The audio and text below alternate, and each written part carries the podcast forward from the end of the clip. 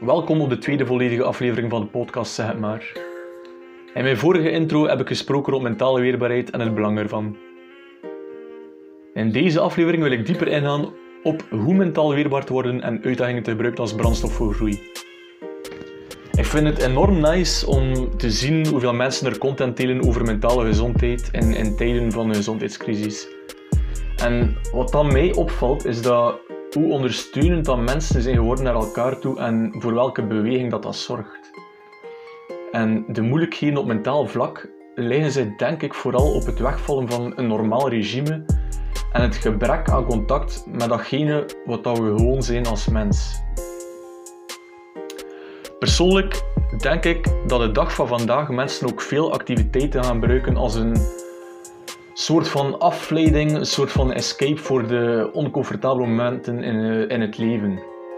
En wanneer dat je naar je maat kunt, wanneer dat er bijvoorbeeld iets op je leven ligt, dan is het ook gemakkelijker om bepaalde dingen waarmee dat je worstelt opzij te schuiven en je gedachten te verzetten.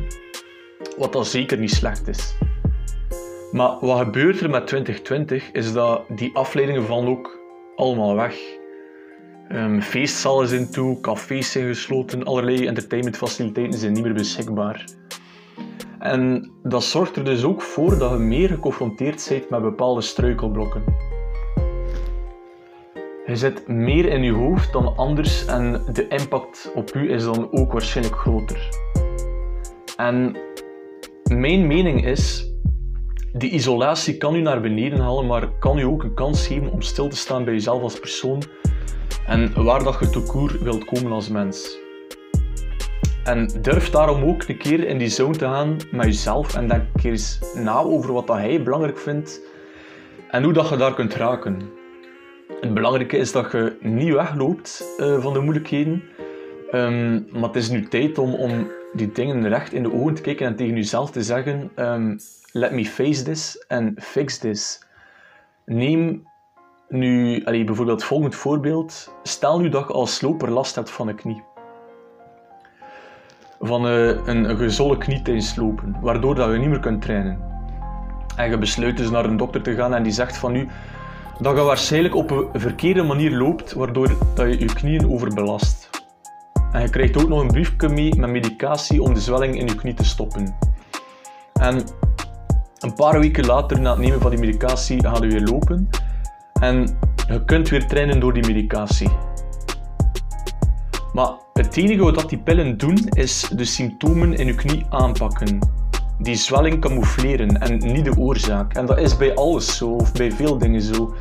Om blijvende verandering te hebben, moet je de oorzaak, de root of the problem aanpakken en niet zomaar symptomen afvlakken of camoufleren met medicatie. Pas op, medicatie is soms sowieso een must. We hebben die kennis en dat is ook goed dat we dat hebben. Maar in veel gevallen kan dat ook soms de easy way out zijn. En daarom zou die loper daar misschien meer baat bij hebben om zijn, manier van lopen aan te passen zodanig dat je geen pijn meer hebt en ook geen zijwegjes zoals medicatie nodig hebt. En daar is waar dat volgens mij de essentie ligt van mental toughness. Is mentale weerbaarheid uh, om dingen aan te pakken. En durf daarin ook je progress als mens delen. Deelt enerzijds uh, je kwetsbaarheid, maar inderdaad deel ook waarmee dat je bezig bent, waar dat je nu staat en waar dat je wilt komen als mens. Dat is, dat is super belangrijk. Um, als persoon kijk ik eigenlijk enorm op naar mensen die enorme transformaties bereikt hebben in hun leven, die van de underdog naar een inspiratie zijn gegroeid. En hoe zalig moet dat zijn om te kunnen zeggen: Ik had zoveel uitdagingen die ik moest overkomen in mijn leven, maar man, ik ben er, ik sta er en hoe zalig moet je je dan voelen? En dat moet gewoon een zalig gevoel zijn van innerlijke rust. En daarom wil ik eigenlijk twee soorten mindsets met jullie bespreken dat je kan toepassen in het leven. Je hebt een abundance mindset en een scarcity mindset. Een abundance mindset is gericht op mogelijkheden, scarcity is gericht op gebreken, op tekorten.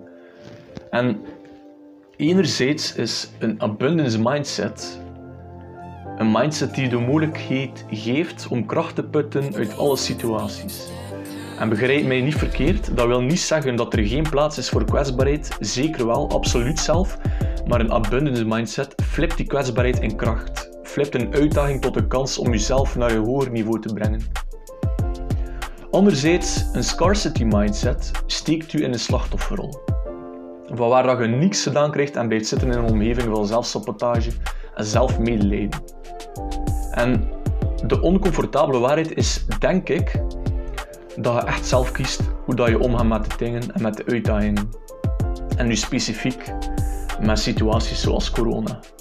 En jij kiest, luistert, jij kiest of je jezelf wilt verliezen in die crisis of je probeert, als die mogelijkheid daar is, dat te gebruiken als een kans om aan zelfontwikkeling te doen en om anderen daarin te helpen. En for the record, sowieso, het is absoluut oké om dagen te hebben waarop dat je zegt van vandaag gaat het mij niet af, uh, vandaag suk het, ik heb geen zin om buiten te komen. Ik bedoel, dat is allemaal oké en dat moet. Maar jij kiest er wel voor of dat je in die positie blijft of dat je daaruit kruipt. En ik hoor je ook zeggen, het is allemaal gemakkelijker gezegd dan gedaan en dat is ook zo. Ain't gonna lie. Maar at the end of the day moet je die keuze nog altijd maken. En dan kies je of dat je je laat neerhalen door situaties of dat je kiest om er iets uit te putten waardoor dat sterker wordt. En ik denk dat dat iets is dat we zeker moeten doen met de COVID-situatie, um, als we dat kunnen. En ik heb bijvoorbeeld vorige week mezelf een uitdaging opgelegd. Uh, ik ben graag bezig met sport en ik vind dat je in 2020 enorm wordt uitgedaagd om nieuwe manieren te zoeken om je bezig te houden en om je grenzen te verleggen als mens. Goed, drie weken geleden begon ik zo wat te lopen en ik, uh, ik denk twee keer per week of zo. Super uh, weinig. Uh, wat dat, ik merkte is dat lopen eigenlijk een fantastische manier is om, om volledig in je lijf te zitten en om je hoofd leeg te maken. En voor die drie weken heb ik nooit gelopen, want ik reed met de fiets. en lopen, dat was niet echt een bepaald interesse. Maar goed, vorige week heb ik een marathon gelopen. En dat wil zeggen 42 kilometer en nog een keer 100 meter erbij. En met drie weken amper voorbereiding, wetende dat er soms een jaar getraind wordt voor een marathon, is dat wel een enorm grote uitdaging geweest voor mij. En waarom zeg ik dat? Niet om op te scheppen over mezelf, maar wel om aan te tonen dat nieuwe uitdagingen zoeken dat dat zo een meerwaarde is. Um, voor mij is dat een fysieke uitdaging geweest zonder twijfel maar veel meer een mentale beproeving. Hoe meer je naar het einde loopt, rond de kilometer of 30 is je lichaam zodanig gebroken dat ieder steentje op de asfalt je uit evenwicht kan brengen en je met je kinnenbak op een tarmac vliegt. Er wordt wel gezegd dat je lichaam eerder stopt, zegt, eerder stop zegt dan je kopje en ik, ik kan dat zeker beamen. Uh, vanaf die 30 kilometer gaat dat niet meer over conditie hebben of niet, dan gaat dat echt over mentale kracht en weerbaarheid gebruiken om jezelf naar die laatste kilometers te brengen. En hoe dat je dat kan doen, is jezelf herinneren waarom dat je zei begonnen in the first place. Jezelf een nieuwe uitdaging opleggen, je grenzen verleggen, jezelf overwinnen. En wanneer dat je die ding voor je ogen projecteert en meter per meter dichter naar dat doel loopt, dan raakt het daar ook echt. Waarmee dat ik eigenlijk ook wil zeggen, wat ik in mijn vorige podcast heb gezegd, dat motivatie en gedrevenheid twee verschillende begrippen zijn. Motivatie is tijdelijk, maar gedrevenheid is, is zo'n blijvende toewijding en wilskracht naar jezelf toe, dat je niet afhankelijk, niet afhankelijk bent van, van motivatie. En het is vrij gemakkelijk om gemotiveerd te worden door te kijken naar een Rocky-film of weet ik veel wat in je zetel. Um, en om daarna een toerke te gaan lopen dat is vrij makkelijk, omdat je gemotiveerd bent dan. Maar wanneer je jezelf echt een uitdaging oplegt die je extreem uit je comfortzone trekt, dan heb je niets aan motivational quotes en over muziek.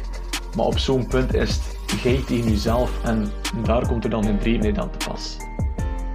En daarom is die podcast van zeg maar eigenlijk zo'n beetje een oproep om, om gedreven te blijven in, in tijden zoals nu. En dat is sowieso niet gemakkelijk in mensen. Zoals ik al zei, het is gemakkelijk om motivatie te vinden tijdens goede momenten. Maar Het is minder gemakkelijk of vanzelfsprekend tijdens uitdagende momenten. Maar AUP probeert toch die gedrevenheid die je hebt in te zetten en motiveert ook andere mensen daarin. Het laatste wat ik nog wil bespreken is een techniek om gedrevenheid die je in vorige levenservaringen toegepast hebt, om dat, om mee te nemen. En er is eigenlijk zoiets als, als, een mental cookie jar. Simpel vertaald, uh, een mentale koekentrommel. En beeld u nu in zin dat al uw dingen waarop dat hij trots bent als mens, de dingen die hij behaald hebt, de moeilijkheden die je doorstaan hebt, dat die op papiertjes zijn geschreven in die pot. En wanneer dat lastig is, hè, neem daar een papiertje uit en kijk ernaar om jezelf te reminden van ja, ik heb dat hier wel gefixt. En ik ga dat nu ook inzetten om hier van die corona crap iets te maken. Dat ik daar kan op terugblikken dat dat mij als mens iets heeft bijgebracht als ik erop terugblik in een latere fase. En concreet denk ik dat een abundance mindset ontwikkelen in het kader van coronatijden drie dingen inhoudt. 1. Acceptatie. 2. Toegewijde actie. En 3. Bijdrage. 1. Acceptatie. Je kunt niet alles in handen nemen, dus accepteer ook in plaats van u te verliezen in dingen die je niet in de hand hebt, accepteer ook de moeilijkheden en de uitdagingen. 2 is toegewijde actie. En dat is niet focussen op wat je niet in handen hebt, maar focussen op wat je wel in handen hebt en hoe je daarmee omgaat als mens. Een heel belangrijke vind ik, en dat probeer ik ook met de Zeg maar podcast te doen, tot mijn best te kunnen vanuit mijn passie. Uh, en dat is, tot slot kun je er ook voor kiezen om bij te dragen door aan andere mensen ook te helpen. Um, zichzelf te zijn, zichzelf te ontwikkelen en ze daarin te motiveren. En dat is ook wat dat super belangrijk is, is om naast kwetsbaarheid ook gedrevenheid in te zetten, mental toughness in te zetten, om daar door te komen, om, om door dat bos te gaan en te zeggen van kijk, dit is het, we zitten hierin, maar we gaan erdoor. En de, de enige weg uh, eruit is ook erdoor. Um, dat is ook uh, de mindset die je denk ik uh, kunt ontwikkelen.